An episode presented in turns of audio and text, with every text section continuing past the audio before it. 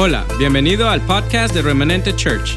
Esperamos que esta palabra te edifique y te inspire a acercarte a Dios. Disfruta el mensaje.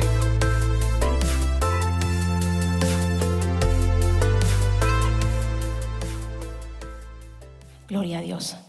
Vamos a leer la bendita palabra. Yo quiero que usted esté muy atento porque hoy Dios nos va a hablar. El título de la enseñanza, si me ayudan con el título, por favor. Dios sabe cuándo. Dios sabe cuándo. Repita conmigo, Dios sabe cuándo. Dios sabe cuándo.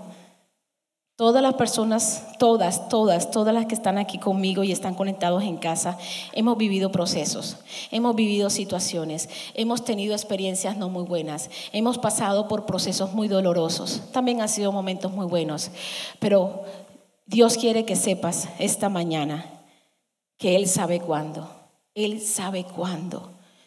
Es un dicho, la gente dice, Dios sabe cuándo, Dios sabe cuándo, pero yo quiero que hoy nos apersonemos de eso. Dios sabe cuándo. Y esperen y saco mis notas, pero mientras tanto, vamos a dar un segundo, se acomoda. Yo quiero que usted vaya conmigo al Salmo 126. Cuando Jehová hiciere volver la cautividad de Sión, seremos como los que sueñan. Y entonces nuestra boca se llenará de risa y nuestra lengua de alabanza.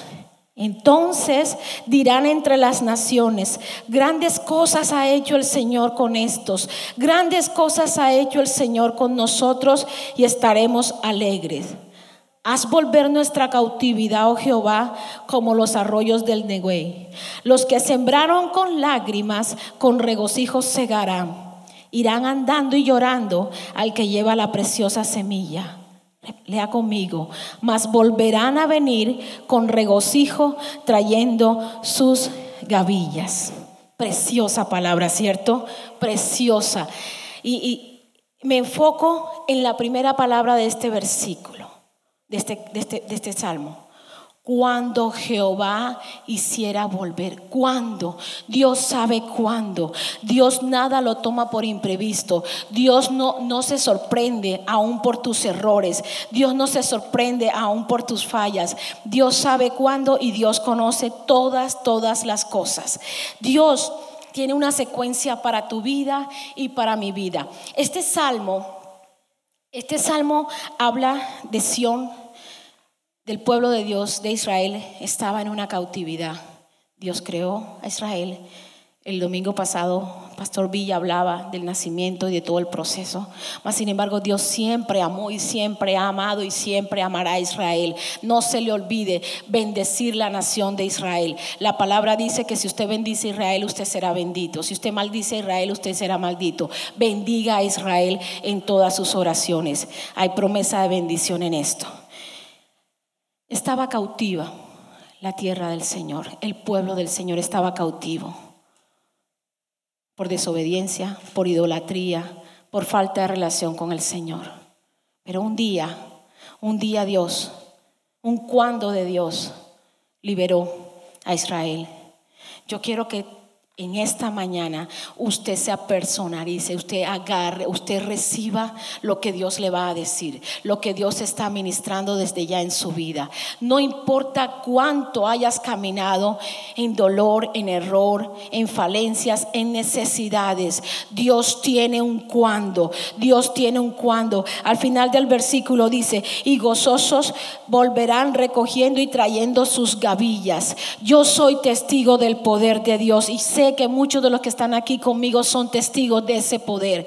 Por mucho que la vida te haya dicho que no, lo dije ahorita, hay muchos sí de Dios, pero te toca a ti creerlo, te toca a ti recibirlos y te toca a ti vivirlos.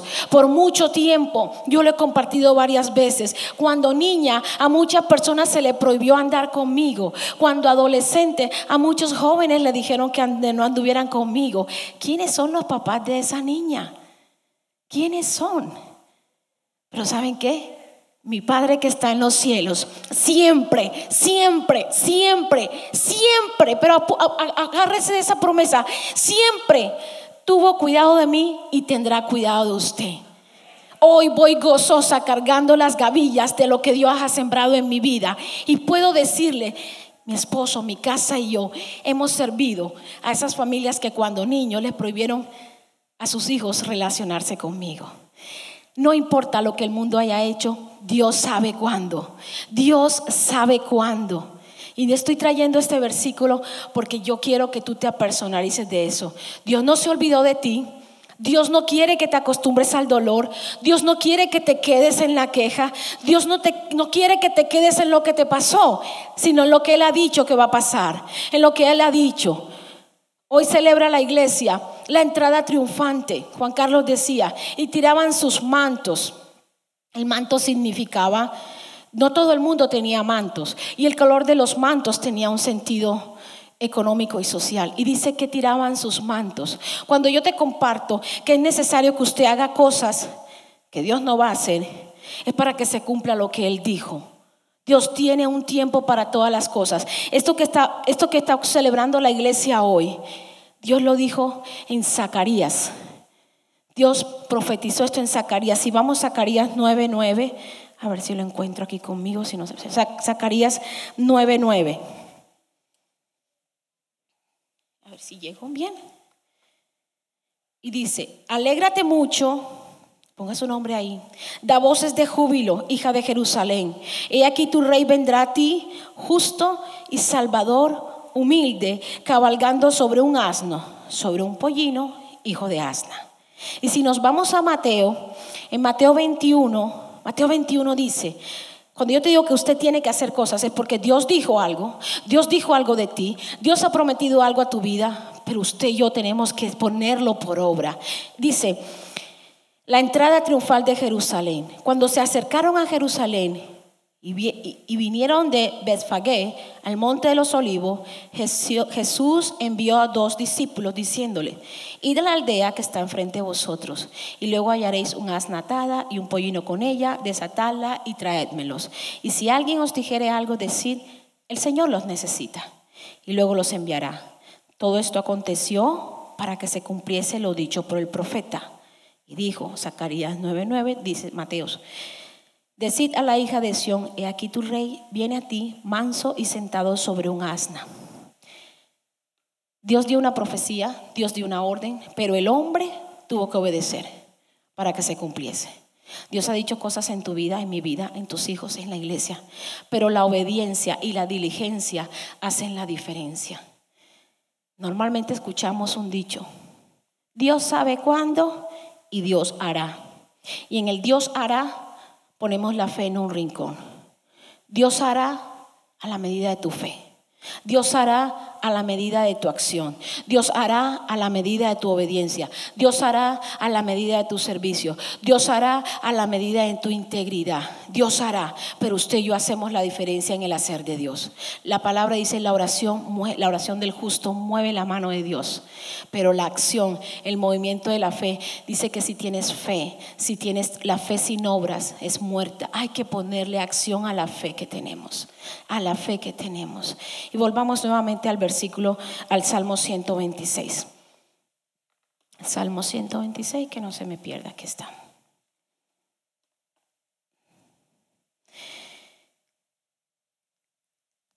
Cuando los, los israelitas leyeron esto y escribieron esto, y el salmista escribió esto, nos dejaban una remembranza de lo que Dios quiere hacer contigo y conmigo hoy y para siempre. Dios, Dios no tiene fecha de vencimiento. Dios no tiene fecha de vencimiento. Cuando el Señor hiciese volver de la cautividad a sus hijos, seremos como los que sueñan. ¿Has dejado de soñar? ¿Has dejado de soñar? ¿Cuándo debemos dejar de soñar? Nunca. A ninguna edad, en ningún proceso. Mira, a mí me gusta preguntarle a los jóvenes de la iglesia, ¿qué carro te quieres comprar?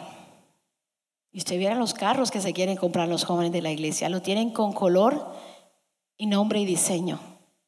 Los jóvenes sueñan, pero llegamos a una etapa de nuestra vida en que nos llevamos, nos llegamos de procesos y de compromisos y dejamos de soñar. Dios siempre está soñando contigo y conmigo.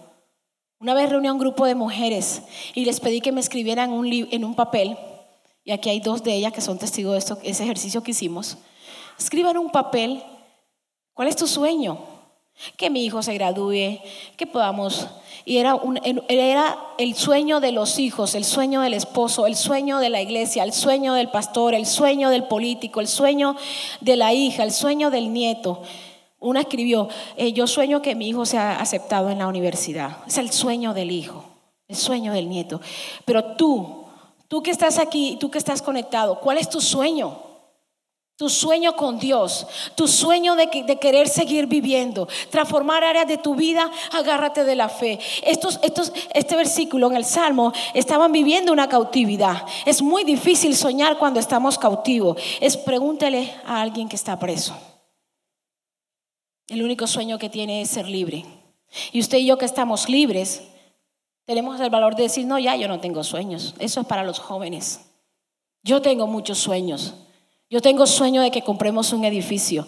Yo tengo sueño de que tengamos la escuela cristiana más grande de aquí de Manazas. Yo tengo sueño de ver nuestros jóvenes ser empresarios y ser grandes hombres de bendición. Yo tengo sueño que las mujeres cada día tengan el valor de aceptar lo especiales que hemos sido creadas para ser la ayuda idónea donde quiera que vayamos, no solamente a nuestro esposo.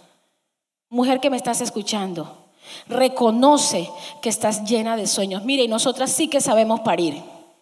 Nosotras sabemos parir sueños, pero por años hemos soñado los sueños de otros. Es necesario que sueñes por ti.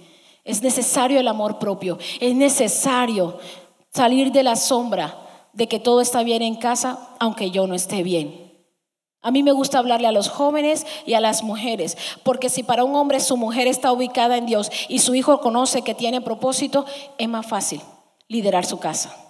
No es porque tenga una preferencia para predicarle a las mujeres y a los hombres. Es más fácil cuando usted como mujer está ubicada y cuando usted como hijo sabe la posición que tiene de obediencia y de respeto en casa, la vida para el hombre de la casa es mucho más fácil. Salmo 126 dice que entonces nuestra boca se llenará de risa. Hay tiempos para todo. Hay tiempos de reír, hay tiempos de llorar, Muchos de nosotros hemos estado viviendo tiempos muy difíciles. Alguien me preguntaba ayer, antes de ayer, ¿cómo le haces? ¿Cómo le haces para tantas cosas? Dios, porque yo sé yo sé que mi templanza, mi victoria, mi fortaleza viene del Señor que está sentado a la diestra del Padre. Porque yo sé, porque yo reconozco que mi boca se llenará de risas y mis labios de alabanza. Y entonces dirán las naciones, grandes cosas ha hecho el Señor con mi vida y con la tuya. ¿Cuánto le dan un aplauso al Señor? Yo sé, yo sé que mi redentor vive. Yo sé que Él tiene planes de bien para darme lo que sueño y lo que espero. Israel estaba cautivo. Israel estaba cautivo, estaba preso, estaba esclavo. La figura es, a muchos estaban agarrados por la nariz y caminaban judío con judío enlazados de una cadena hacia el otro por la nariz. ¿Para dónde podía correr el que iba adelante o el que iba detrás? Si todos estaban. O eran atados a sus, a sus tobillos. ¿Sientes que tienes ataduras del alma? ¿Sientes que hay áreas de tu vida que no puedes trabajar? ¿Sientes que hay cosas que han creado dependencia hacia otras personas? Esta mañana Dios quiere hacerte libre de eso. Dios quiere hacerte libre del temor. Dios quiere hacerte libre de la vergüenza. Dios quiere hacerte libre del dolor. Donde duele mucho, no se quede mucho tiempo.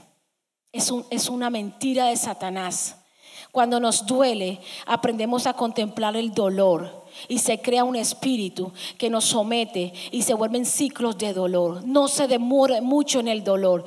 En, en el mundo vamos a tener aflicción, pero el Señor ya venció el mundo. No se quede, no se quede con las ganas de vivir su sueño, no se quede con las ganas de hacer el bien por temor a fallar o por temor al que le fallen. Siempre va a haber alguien que falla, pero siempre va a haber alguien que va a ser bendecido cuando usted se mueve a hacer lo que Dios le ha llamado a hacer. No importa, la decepción es otro, es otro puente que usa el enemigo. Usted sabe que los puentes no son para que usted se quede en el puente.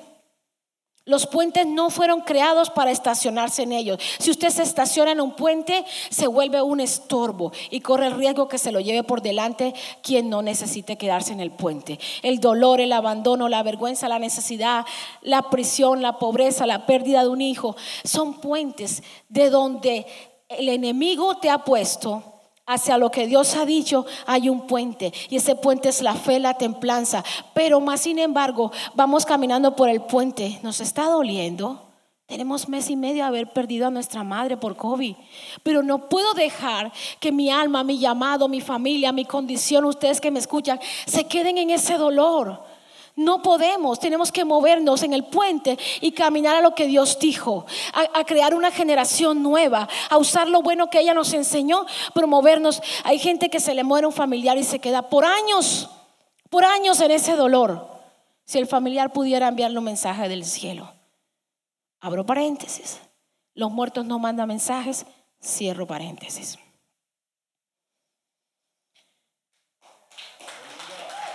Glorias sean dadas a Dios. ¿Cuándo? Dios sabe cuándo. Yo recuerdo que alguna vez, y sé que muchos de ustedes se van a identificar, y todos, alguna vez, cuando los papás nos llevaban a un paseo, y uno decía, ya vamos a llegar. ¿Se acuerdan de Shrek? Are we there yet? Ese burro sí era canzón. Los niños de acá saben de qué estoy hablando. En Colombia también la película de Shrek. Y uno preguntaba, ya estamos llegando. Ya es, ya por aquí es. Ya vamos a llegar. Estoy aburrido. Quiero ir al baño. Tengo hambre. ¿Usted sabe que montar a dos niños en un carro e irse manejando aquí a la Florida? Ya vamos a llegar. Así hemos estado muchos nosotros. Hemos preguntado, Señor, ¿hasta cuándo? Señor, ¿cuándo? ¿Cuándo? El Señor tiene un reloj para tu vida y para mi vida. El Señor tiene un momento para tu vida y para mi vida. Y muchas veces usted y yo, y usted y yo retrasamos esos procesos porque nos detenemos en los puentes. Los puentes nos llevan de una condición a otra condición. Cuando usted maneja el dolor, la decepción, la pérdida y todas las cosas feas, usted la maneja en Dios, usted usa ese puente para crecer, para madurar, para, asentar la fe que Dios le ha dicho. Pero como usted se quede en ese puente, vuelvo y repito, se vuelve un estorbo para su familia. Cuando usted se enferma, cuando usted le duele, los familiares le vamos a visitar una vez, dos veces, el amigo le manda una sopita, la otra amiga le manda unas flores, pero ya la tercera semana, todavía,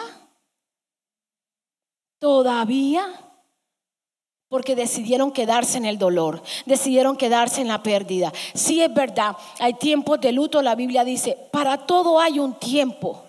Para todo hay un tiempo. Pero ¿por qué no agarramos esta semana? Comenzamos en el día de hoy a vivir la entrada triunfante de Jerusalén, a gozarnos en esta promesa tan grande. Cuando Jehová hiciere volver de la cautividad de Sión, seremos como los que sueñan. Si usted este tiempo, lo compartí el viernes, estamos vivos, estamos bien.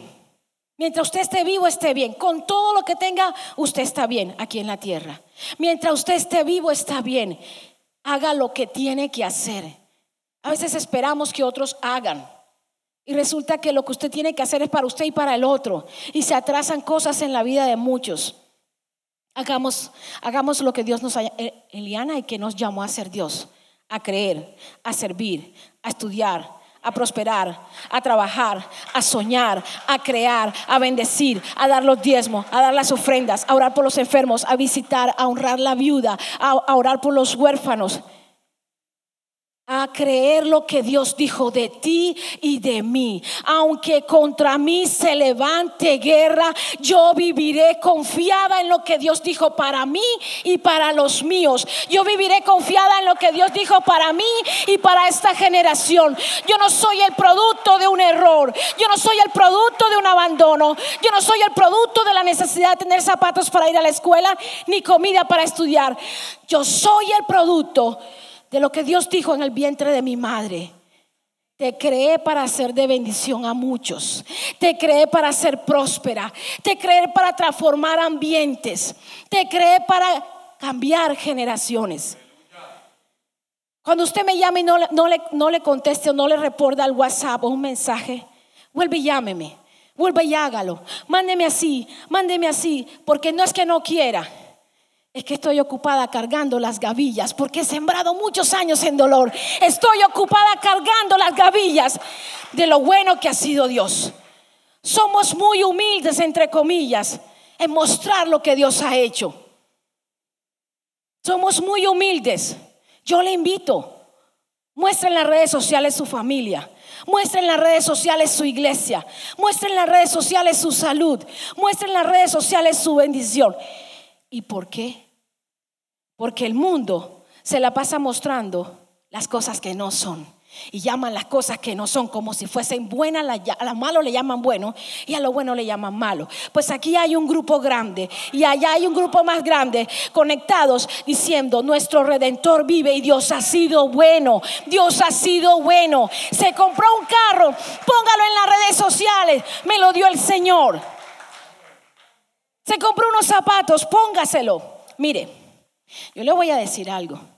Yo a la ciudad que voy me compro zapatos. Ahí está Cecilia, Teresa, Rosario, todos en mi casa sabiendo que es así. De hecho, lo digo con mucha humildad, pero con mucho gozo. Tengo una maleta solo para mis zapatos cuando viajo. Hermana, eso se está viendo muy presuntuoso. Tómelo como quiera. Por mucho tiempo deseé tener zapatos. Dios ha sido bueno, Dios ha sido bueno, Dios ha sido bueno. Y un día me dijo alguien, ¿de verdad tienes una maleta para zapatos? Yo le dije, sí, sí tengo una maleta para zapatos. ¿Eso te hace sentir segura? No, pero me hace sentir feliz. ¿Qué te hace sentir feliz? ¿Qué te hace? Se nos ha olvidado en medio de tanto dolor. ¿Qué te hace sentir feliz? A mí me hace ser feliz darle a la gente. Si usted me pregunta qué vi yo en Juan Carlos, me dijo mentiras, la mamá no me quería mucho, yo ya era mayor que él, yo ya tenía un hijo, me estaba divorciando. Aquí está mi suegra. Él me dijo mentiras, yo tenía 21, me dijo que tenía 18. Pero un día salimos y había un niño de seis añitos, 24 de diciembre, vendiendo en una caja de cartón maní. Tenía tres meses de conocerlo. Y el niño era el 24 de diciembre como a las 8 de la noche. A esa hora él estaba trabajando en una estación de gasolina. Y el niño iba vendiendo manís. Muy, muy mal económicamente se veía el niño. Nueve de la noche en Navidad. Y le pregunta a Juan Carlos, ¿cuánto vale la caja de maní? No me acuerdo.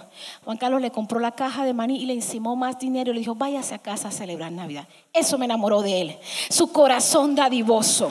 Su corazón dadivoso. Él no tenía nada que darme. Él no tenía nada que ofrecerme. Pero tenía un corazón tu corazón y mi corazón son el depósito que Dios necesita para bendecirte. Hay áreas en nuestro corazón que necesitan ser sanadas, hay áreas en el corazón que necesitan liberación, pero Dios siempre quiere bendecirte. Dios siempre quiere bendecirte. Y entonces seremos como los que sueñan. Nuestra boca se llenará de risa. Y entonces dirán las naciones, Grandes cosas ha hecho el Señor. Grandes cosas ha hecho el Señor contigo, contigo. Hay un montón de mujeres aquí que le gusta comprar zapatos, yo sé. Grandes cosas ha hecho el Señor contigo, con Jenny, con tus hijas, con tus nietos, con tu casa, con tu hermana, allá en Ecuador. Grandes cosas ha hecho el Señor. Grandes cosas ha hecho el Señor. Pastora Claudia, grandes cosas ha hecho el Señor con usted. Cuando joven volví se encontró con usted la promesa del Espíritu Santo y dio la vuelta y aquí está. Grandes cosas ha hecho el Señor con nuestra vida. Y entonces dirán las naciones, entonces dirán las naciones, Dios ha sido bueno, Dios ha sido bueno. Que duele, duele. Que asusta, asusta. Tengo a mi hermano con coronavirus, tiene los pulmones inflamados. ¿Que tengo miedo? No tengo miedo. Estoy asustadita, sí. Pero conozco, conozco a quien le sirvo. Conozco al que una tumba puede hacer un jardín. Conozco al que me vio caminando para la escuela sin comer. Y lo digo con mucha honra. Hoy vamos a abrir un restaurante. Ese es Dios. Ese es Dios. Ese es Dios. Si usted me pregunta cuánto tiene en la cuenta, yo le puedo decir, no tengo 300 dólares en las dos cuentas. A veces cuando llego a Colombia y me bajo del avión, No tengo para el taxi, mi tía me, para el taxi y mi tía me recoge y paga el taxi. No tengo nada, no necesito nada. Esa es la manera como Dios quiere que vivamos. Vivamos como quien no tiene nada, teniéndolo todo. Porque donde usted vaya, donde usted se pare, donde usted invierta, donde usted sirva, donde usted crea, ahí está Dios. Ahí está Dios. No se quede con lo de Dios. No arrugue el billetico así. Así no. Si se, si se da cuenta dentro de 10 años en nuestros países sobre todo, ya ese billete que usted tiene guardado ya perdió valor y ya no se usa. ¿Qué tienes a la mano? ¿Te está doliendo? Entrégaselo al Señor. ¿Qué tienes a la mano? ¿Un negocio? Entrégaselo al Señor. ¿Qué tienes a la mano? ¿El deseo de multiplicar tu familia? Entrégaselo al Señor. La plataforma perfecta para Dios transformar tu vida es lo que tienes hoy. No cuando estés un poquito mejor, no cuando te sanes, no cuando ya no duela, es ahora, es hoy. Y entonces, y entonces las lágrimas que botaste sembrando las semillitas donde nadie te vio o donde no calificabas, los ojos de Jehová recorren la tierra y te vieron sembrar semillas, te vieron invertir en fe en la iglesia, te, vieron invertir en hombres y mujeres, en niños Mire usted que está aquí en Estados Unidos. Busca un niño de su familia, un primo, ojalá que no. Ninguno de la familia de, los que estamos necesitan. Busque un niño y apadrínelo. Páguele la escuela, páguele la universidad, invierta en los jóvenes. Es la única manera que le vamos a romper la mentira de Satanás sobre nuestras generaciones. Invierta en los niños. El dólar se multiplica. Siempre vamos a tener para dar. Siempre. No se quede en el lugar donde está viviendo. Sueñe en cambiar la casa. No se quede andando con, es que ya lo pagué, ya lo pagué hace años, tengo 16 años de haber pagado el carro. De verdad, ya es hora de cambiarlo. Ya es hora de cambiarlo.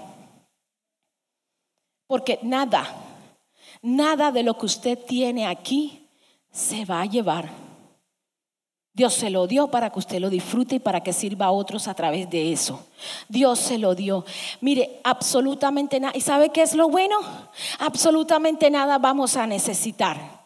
Nada de lo que usted tiene aquí. Lo que Dios le ha dado aquí lo necesita aquí y las generaciones lo necesitan aquí. El día que el Señor le llama a la presencia, si acaso como usted esté vestido, y si es que está vestido, así se va. Los restos a un lugar, pero su alma lo único que usted necesita para llegar a la presencia del Señor es a tener a Jesucristo como su Salvador y las acciones que haya sembrado en las generaciones venideras. Y entonces, entonces, aún la muerte es ganancia. Aún la muerte es ganancia. Tenemos un tiempo aquí en la tierra. ¿Se acuerda que hace varias semanas le pregunté, ¿cuánto tiempo, cuántos años tienen? No me lo tienen que decir. ¿Cuántos años tienen? Muchos. Y hemos ido a seminario, y ya con esto quiero que ahorita la alabanza empiece a subir conmigo. Muchos hemos estado por tiempo en seminarios y en, acerca del propósito. Mire, usted tiene propósito desde que el espermatozoide y el óvulo de su papá y su mamá se juntaron hasta el día que usted respira su último aliento. Usted tiene propósito, pero de lo que usted tiene que asegurarse hoy, mañana y los días venideros son las temporadas de su vida. El propósito cuando usted era bebé no es el mismo propósito de hoy ni cuando tenga 60 años. El propósito es el mismo, pero las temporadas son diferentes, corrijo. El propósito es el mismo, las temporadas son diferentes, pero queremos vivir una temporada muchos años. Es necesario crecer, es necesario moverse del puente y apercibirse que Dios sabe cuándo. Dios sabe cuándo. Estamos pasando por momentos de dolor, estamos pasando por momentos de dificultad, pero déjame decirte, seremos probados como el oro. El oro lo máximo que le puede pasar es que se ablanda y cambia de forma, pero el oro nunca deja de ser. ¿Hay algún orfebre aquí? orfebre, alguien que trabaje el oro. Yo de niña veía a un vecino que le metía muchísima candela para, darle a las varillitas de oro la forma que él quería. Y pegaba las, las punticas con eso, oro con oro lo pegaba y daba la figura. Quizás estemos viviendo momentos de formación, pero mantente firme en Dios, mantente firme en Dios. Y antes que comience la alabanza, Yo quiero leerte esto y quiero ministrarte, quiero orar por ti. Apocalipsis. Apocalipsis 2.10 dice, no, te, no temas en nada de lo que vas a padecer. He aquí el diablo echará a alguno de nosotros en la cárcel para que seáis probados y tendréis tribulación por diez días. Sé fiel hasta la muerte y yo te daré la corona de vida. Y por último dice, el que tiene oídos, oiga lo que el Señor le dice a la iglesia. Ponte de pie, por favor, que yo quiero orar por ti. Padre, gracias. Gracias por tu palabra. Gracias por tus promesas, Señor. Gracias por tu misericordia en esta mañana. Padre, gracias. En esta hora, Señor, nos ponemos de acuerdo. Nos ponemos de acuerdo a tu verdad, Señor. Y yo declaro, Señor, que esta semana es una semana de liberación, de transformación, de provisión, de restauración. Hoy domingo, Señor, la iglesia celebra la entrada triunfante, Señor, de Jesucristo a Jerusalén. Hoy, Señor, hemos traído a memoria esa palabra donde tú liberas a Jerusalén. Hoy declaro junto con todos los que están conmigo, levanta tus manos. Yo declaro liberación para tu alma, liberación para tu cuerpo. Yo declaro sanidad sobre tus huesos, sanidad sobre tu mente, en el nombre de Jesús. Yo declaro en el nombre de Jesús que el Señor sana tu corazón y las lágrimas que has derramado sembrando semillas en obediencia serán gavillas, serán fruto, serán ramas y ramas de bendición de lo que Dios hará contigo. Dios liberó a Israel, Dios te libera hoy. Dios es eterno, Dios no miente, Dios es real. En el nombre de Jesús, repite conmigo, Señor Jesús, yo te recibo como mi Salvador. Te pido que perdones mis pecados, que escribas mi nombre en el libro de la vida y que nunca más sea borrado. Yo te declaro mi Señor, mi sanador, mi libertador, mi rey, mi Señor, en el nombre de Jesús. Amén. Esperamos que este mensaje haya sido de bendición. No te olvides de suscribirte a nuestro podcast y seguirnos en Facebook e Instagram arroba remanente church.